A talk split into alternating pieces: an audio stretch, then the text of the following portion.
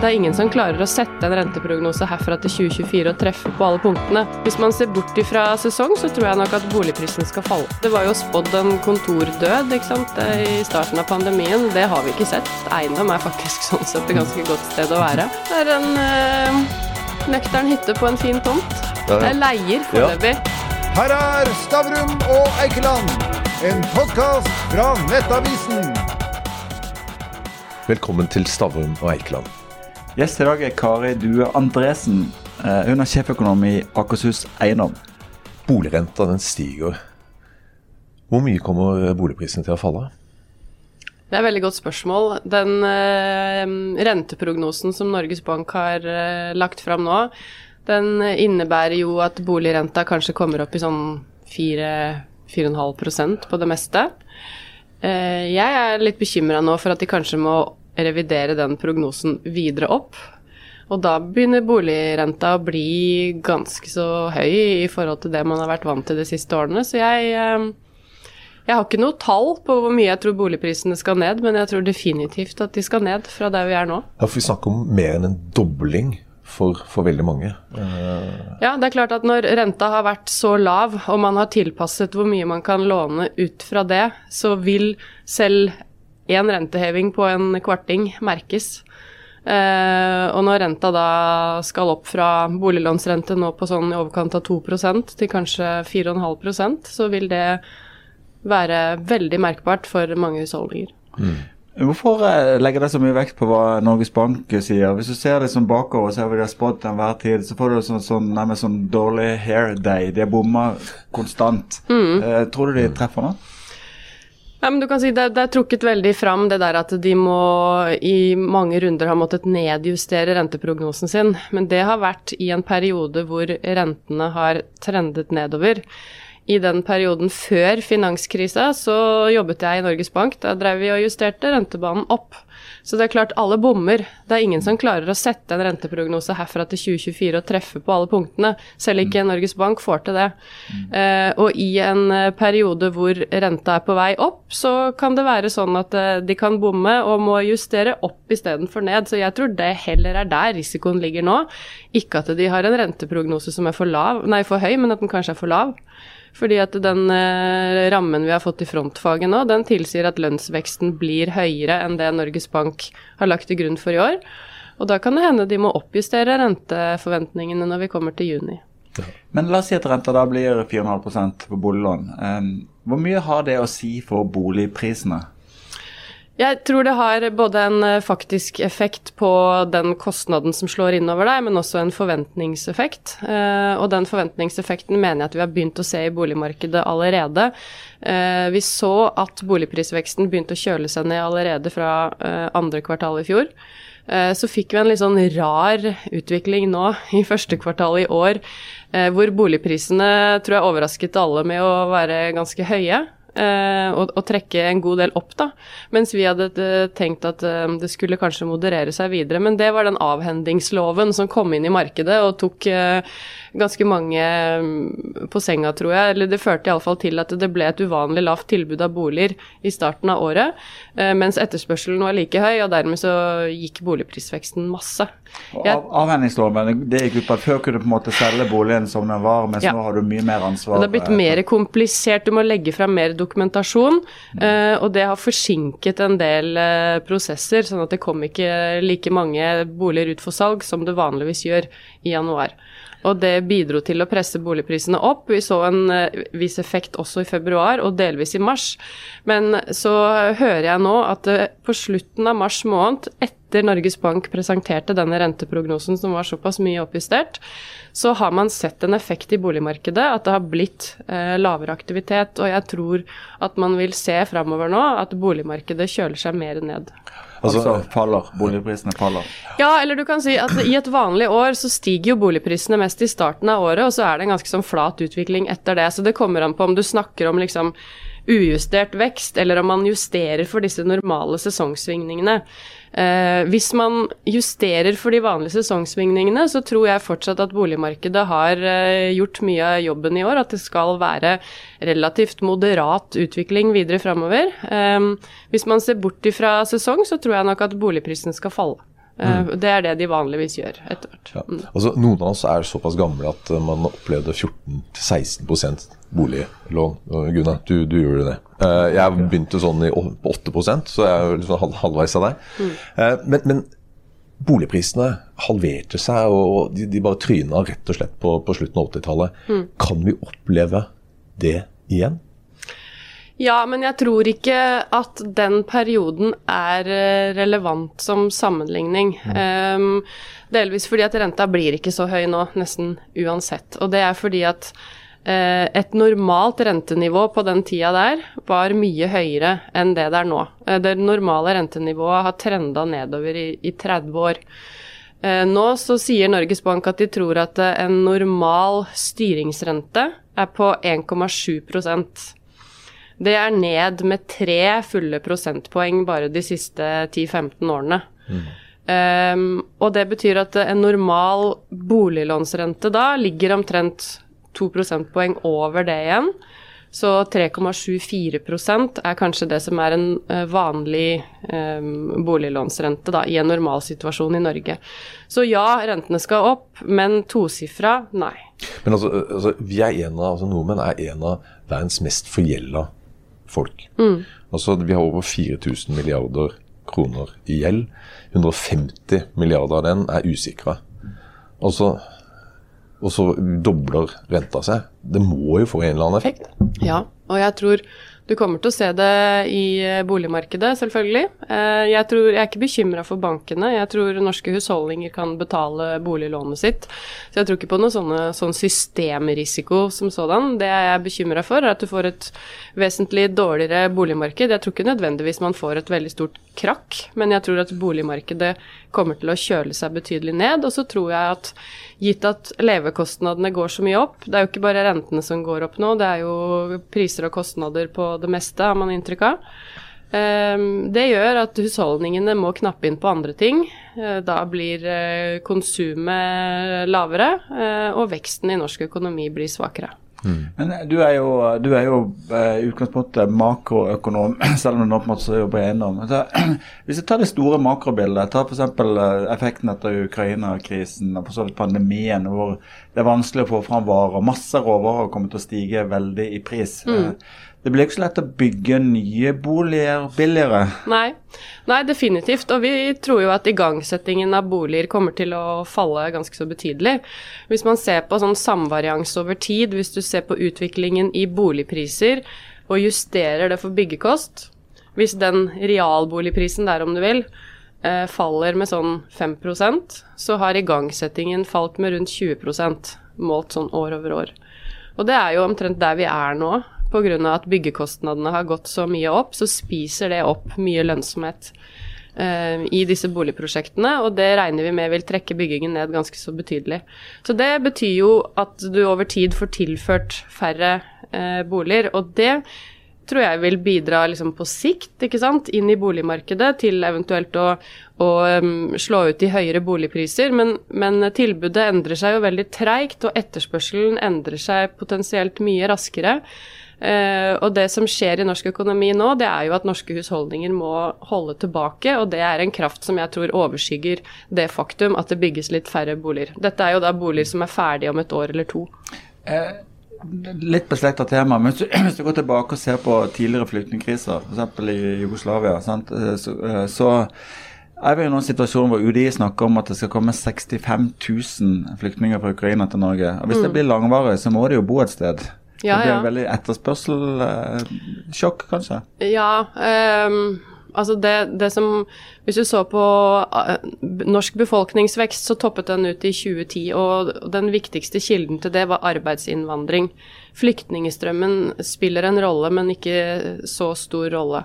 Eh, og da hadde vi doblet jo befolkningsveksten i Norge eh, på starten av 2000-tallet og fram til eh, 2010.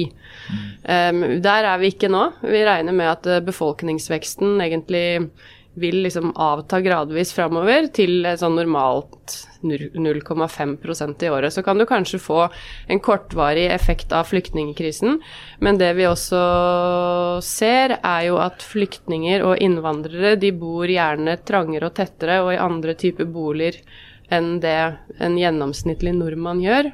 Og dermed så bidrar det heller ikke like mye til press i boligmarkedet som det en ny nordmann gjør.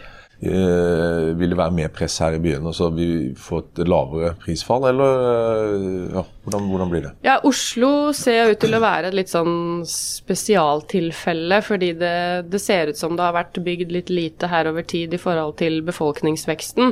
Og det det bidrar til, er at når du får en rask oppgang i etterspørselen, så stiger prisene mer enn det de gjør i andre store byer. Det har det vært gjort eh, forskning på. Så eh, det er definitivt sånn at eh, hvis det er press, så går prisene mer opp i Oslo. Men så så vi også i fjor at når vi da igjen fikk en moderasjon i boligmarkedet, så var utviklingen dårligere i hovedstaden enn det var i landet totalt sett. Um, Men er det fordi at de har substitutter i nærheten, så at du kan gå og kjøpe da i, i Bærum eller på Follo eller altså Ja, eller fordi det allerede hadde gått så mye, ikke sant. Sånn at det var ikke rom for like mye videre prisvekst, og da trakk andre områder forbi. Um, en annen teori er jo, vi så jo også under pandemien at folk begynte å flytte ut av byen.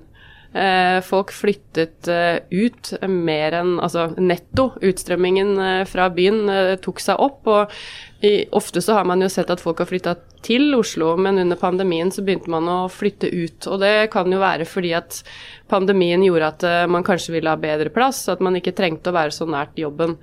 Uh, det er jo effekter som jeg ville tenkt nå etter hvert uh, blir mindre relevante. Um, en annen effekt kan jo ha vært at det nettopp ble så dyrt at folk ble pressa ut av Oslo og måtte kjøpe seg bolig andre steder. Men nå så ser vi på den befolkningsendringen at den utflyttingen er i ferd med å avta. Og den ville jeg tenkt også liksom etter hvert demper seg, sånn at befolkningsveksten i Oslo tar seg opp, da. Så da vil det jo være et økt behov etter hvert for eh, flere boliger eh, i Oslo. Men, men, på kort sikt så er det jo ikke det eh, nødvendigvis det boligbehovet som styrer, det er mer etterspørsel og sentiment og renteforventninger og sånne ting. Men det, Du ser jo også på næringseiendom. Det er spennende å høre liksom effekten av pandemien der. Mm. Folk har jobbet mye på hjemmekontor, noen innenfor noen hybridkontor. Mm. Vi ser sånn type WeWork, altså steder som på en måte ikke har faste kontorer. Hva skjer i næringseiendomsmarkedet? Ja, Det er jo faktisk eh, veldig interessant. og Det var jo spådd en kontordød ikke sant, i starten av pandemien. Det har vi ikke sett. Mm. Vi gjør undersøkelser hvor vi spør folk som skal flytte kontor, om de trenger mer eller mindre kontorareal. Eh, og den, eh, det behovet har endra seg veldig lite. Så det er ingenting som tyder på at eh, bedrifter skal ha mindre kontorareal. Snarere så har det vært ganske så, så likt som før. Um, og det kan jo være Men vi, vi, ser en endret type kontorareal. At man ønsker finere kontorer, kanskje. Mer sosiale soner. Tettere på kollektivpunkter eller et interessant område hvor det skjer noe også utenfor kontoret. Uh, for å trekke til seg folk.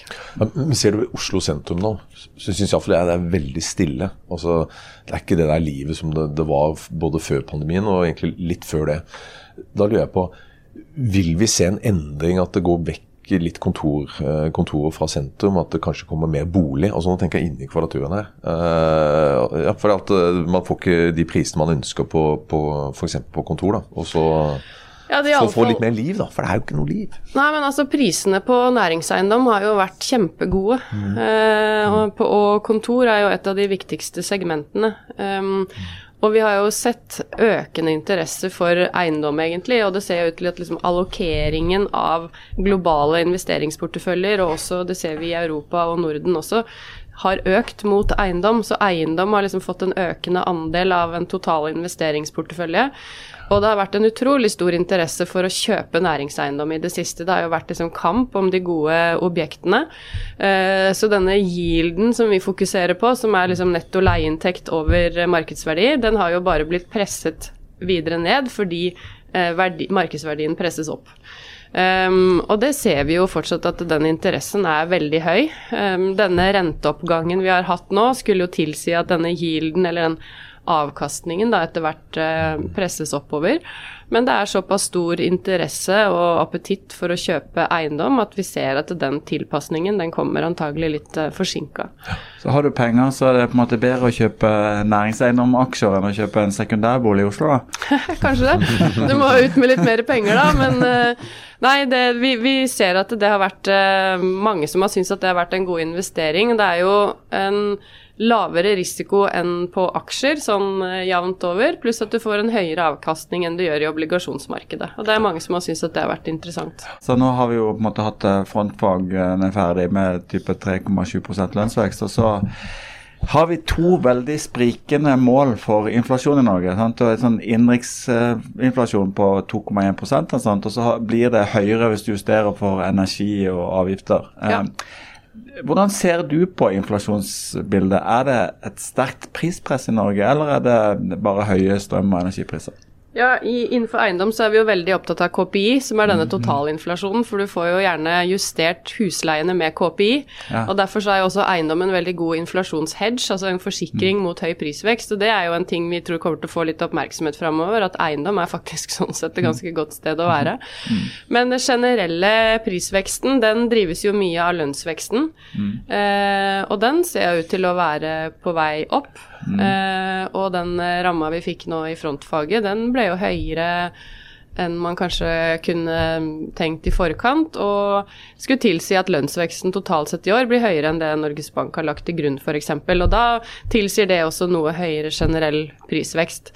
Så hvis man ser på hvilke priser som har trukket opp i det siste, så har jo liksom tjenesteprisene ligget ganske greit sånn rundt uh, oppunder 2 mens det er vareprisene som virkelig har uh, skutt fart i det siste. Og Der importerer vi jo sterk prisvekst. Ja. at, som vi var inne Ja, og så har du krona som en buffer, da. For de mm. norske kroner har jo styrka seg, og det bidrar jo egentlig til å trekke ned um, prisene på importerte varer. Så det er en, um, en, faktor som går imot, som hjelper mm. oss litt. Hva, hva tenker du i forhold til det, det lønnsoppgjøret nå i offentlig sektor? Altså, det blir ikke så lett å presse de under uh, frontfagene?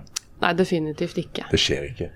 Nei, jeg tror ikke det. Og jeg tror, det er, jeg tror, at det er en veldig sterk forventning og en streikevilje, fordi man føler at nå, nå, nå Det er mange som føler at det er sin tur, har jeg inntrykk av. Mm. Uh, så jeg ville tenkt at um, det kan nok bli noen uh, streiker i år hvis ikke arbeidsgiverne er innstilt på å gi ganske rause tillegg. Og da kan vi fort ende opp med en lønnsvekst som er opp mot 4% som er da vesentlig høyere enn det ja, Norges Bank bl.a. har tenkt. Ja, og da blir det enda høyere boligrente. Ja, det er jo det som skjer, og, og, det har jo Norges Bank også vært veldig tydelig på. Det tror jeg de ønsker å kommunisere så klart de kan. At hvis man byr opp disse lønningene og igjen setter prisene enda høyere enn det man tidligere har sagt, da blir renta bare høyere igjen, ikke sant. Ja. Sånn at eh, hvis man modererer seg litt, så trenger ikke renta å bli så høy. Det er, det er, et budskap Norges Bank er interessert i å selge. Men det er, det er interessert å høre din vurdering. på en måte. Er det, er det vi da får liksom den klassiske prisspiralen hvor pris, lønninger og renter øker? Mm. Eller ser du frykt for en type stagflasjon, hvor det på en måte både totalstopp i økonomien og fortsatt eh, prisvekst? Ja, Det ville jeg sagt var et litt sånn ekstremt worst case-scenario hvis denne krigen eh, bare fortsetter og det blir knapphet på alt mulig og alle blir kjemperedde og bare sitter hjemme. Jeg tror ikke sånn veldig på det. Jeg tror eh, heller at eh, det kommer til å være ganske god fart i norsk økonomi i år pga. at tjenestenæringen henter seg inn og det går godt i eh, norsk olje og gass. Uh, mens mer utover året, når kanskje den gjeninnhentingen i tjenestenæringene er unnagjort, så er man jo mer avhengig av at uh, Norge som en liten åpen økonomi fungerer, at handelspartnerne våre også gjør det bra. Og da tror jeg vi kommer til å se en betydelig oppbremsing, fordi renten er på vei opp egentlig overalt, og levekostnadene er på vei opp. Så jeg ville tenkt at inn mot neste år så går vi en uh, mye mer liksom, avdempa situasjon i møte, og da tror jeg også at lønnsoppgjørene blir mer moderate. Altså, Nå er det snart påske, og de fleste av oss har vel en hytte, bortsett fra meg. Du skal på fjellet, du skal på fjellet og, sånt. Så. Det, var, det er vanlig påsketur nå. så, det, så det jeg bare lurer på, altså, Der har det jo vært en boom i hytteprisene. Ja. Uh, hva skjer med de nå? Altså, ja, det er jeg veldig spent på. Ja. Jeg er litt sånn lyst til å kjøpe meg hytte selv, så jeg sitter og Å, jeg trodde du Sorry. sorry. Ja, jeg leier foreløpig. Ja, ja, ja, Nei, eh, det, det, var jo en enorm igangsetting i fjor i hyttemarkedet. Eh, rekordhøyt antall. Mm. Noe av det skyldtes kanskje at det, det, hang igjen litt fra 2020, en del prosesser som ikke ble ferdig i 2020, sånn at det kanskje var litt sånn, så litt kunstig høyt ut i fjor, men en ganske så høy igangsetting av hytter. Så det betyr jo at tilbudssiden er ganske god, iallfall på fjellhyttene, da. Um, og etterspørselen har jo vært god under pandemien, og så lurer jeg litt på nå framover når vi kan reise igjen. Kanskje man tar eh, påskeferien eh, internasjonalt og også sommerferien, om man da er like interessert i den uh, hytta på fjellet. Så jeg ville tenkt at liksom en, med en høy tilbudsside og kanskje en litt lavere etterspørselsside, særlig når vi vet at disse rentene skal veldig mye opp, så ville jeg liksom tenkt at det hyttemarkedet går en dårligere tid i møte. Men, ja, blir, det, blir, det, verre i hyttemarkedet enn på, på boligmarkedet? Altså Hyttemarkedet har jo vært veldig volatilt. Uh, og jeg um, jeg ville kanskje tenkt at det kan slå mer ut i hyttemarkedet enn i boligmarkedet, for det er liksom mer marginalt. Men det, det gjenstår å se. Nei, jeg, det, jeg, tror liksom ikke på blodbad, men uh, jeg tror heller at uh, man er nødt til å forberede seg på at uh, man må stramme litt inn. Altså de siste årene har jo vært gått bra for de fleste.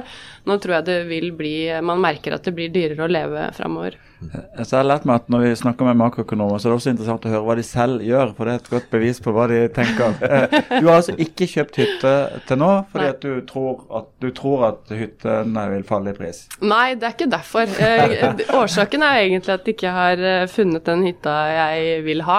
Okay. Pluss at om jeg finner den, da, så spørs det hva den koster. Men nei, det er det, Jeg er veldig spent på hyttemarkedet framover. Jeg har nemlig et spørsmål til. for at Du ja. sier at okay, Norges Bank nå legger an til en sånn type normalitet rundt 4 boliglån uh, i lang tid. Det er spørsmålet, Har det bunn og rente? Nei. men, men uh, vi må jo vite, ok, hva, hvordan ser din uh, hyttedrøm ut, da? Det er en nøktern hytte på en fin tomt. Nøktern hytte, men fins det lenger? jeg håper det. jeg vet ikke. Den har ikke dukket opp ennå. Skal du ikke ha spa? Altså, ha... du, jeg er egentlig mest opptatt av at den tomta er litt fin. Ja. Eh, så jeg er ikke så opptatt av standarden på hytta. Men det er det som er vanskelig å få tak i for tida. Altså, det bygges jo ut fine hytter over en lav sko, men det ligger jo så tett at uh, da kan man jo nesten like gjerne kjøpe en leilighet. Jeg sitter og venter på den hytta som har litt mer fritt uh, utsyn og areal. Og det er langrenn du skal, det er ikke slalåm og sånn? Nei, gjerne slalåm. Ja, gjerne. Ja. Du hører jo at uh, Ola er jo en kynisk journalist som alltid dyrker krisescenarioer. Mener du? sånn som jeg leser deg, så tenker jeg du ser noen mørke skyer på himmelen, men du ser ikke noe sånn totaluvær. Folk kommer ikke til å oppleve masseledighet og boligkrakk og den type ting? Nei, vi snakker ikke 30-tallet, det, det tror jeg ikke. Uh, men uh, ja, vi står foran en oppgang i levekostnader og sånn generell prisvekst som vi ikke har sett på veldig lenge. Vi må jo tilbake til uh, omtrent 80-tallet for å finne tilsvarende prisvekst som vi ser nå, i hvert fall internasjonalt. Um, så det tror jeg er litt sånn um, Kommer kanskje uventa på en del. Pluss uh, dette med at renta nå faktisk skal opp igjen. Det, det, er det jo ikke så mange som har vært med på. Vi har jo stort sett, uh, som vi var inne på tidligere, vært en lang periode hvor rentene har tendert nedover. Men nå er de definitivt på vei opp, og det, det tror jeg nok vil merkes. Jeg kan prøve meg på et lite trikkspørsmål. Uh, hvis du ser på hva politikerne gjør. Mm. Nå skal vi bygge Eh, T-bane til Fornebu. Vi skal bygge nytt eh, vannanlegg i Oslo. Et regjeringskvartal kommer. Midt mm. i en periode med veldig stramt arbeidsmarked. Priser mm. på vei opp og vanskelig å få tak i bygningsmaterialer. Ja. Er det spesielt lurt å ha gigantiske offentlige prosjekter akkurat nå? Nei, men Sånne prosesser er jo ekstremt eh, lange. Jeg tror nok eh, noen prosjekter kan bli satt på vent. Jeg er usikker på hvordan det slår ut i de offentlige prosjektene, men, men vi hører jo at eh, det meldes om at det at man faktisk ikke får tak i materialer, tvinger prosjekter til å utsettes. Og det tror jeg er et vel så stort problem for mange som at prisene faktisk går opp. Det er rett og slett vanskelig å få tak i en del innsatsvarer til byggingen. Så det, det vil nok påvirke, men, men, vi håper jo at denne situasjonen med ekstremt høy eh, prisvekst på innsatsvarer er forbigående. Og alle de prosjektene du nevnte, der er det jo betydelig overskridelser. Vi snakker om milliarder på milliarder. Om noe av grunnen til det er jo faktisk også at det er dyrere å bygge, rett og slett. Ikke bare Ja, at de har men i forhold, sånn som i forhold til arbeidsinnvandrere, så har det jo vært sånn at de har jo ikke kommet tilbake i så stort monn heller etter pandemien. Det også er noe som antagelig blir bedre framover, ettersom restriksjonene løses opp de fleste steder, at det faktisk etter hvert vil komme flere arbeidere tilbake hit. Og du må jo, altså En ting er på en måte folk flest, vi kan sitte her og synse her, her og der, men du må jo faktisk stå for anslagene dine og faktisk ende på en vurdering. og eh, I dine anslag i Akershus Eiendom, så, så tror du at dette er forbigående problemer, akkurat disse innsatsvarene, eller?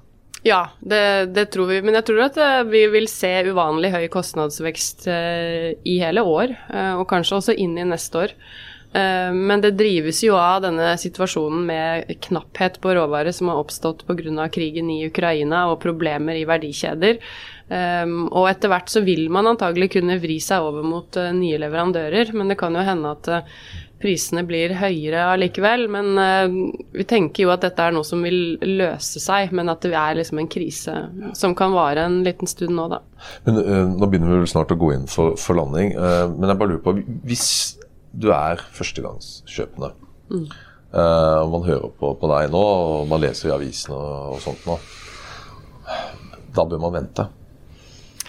Altså, det er jo farlig å skal sitte og vente ut og time et marked. Eh, man kan ta feil, og hvis man skal bo i en bolig i mange år, så, så ville jeg bare kjøpt boligen hvis den dukker opp der du ønsker. Det er ikke sikkert at den boligen er der om et halvt år når prisene var bitte lite grann lavere.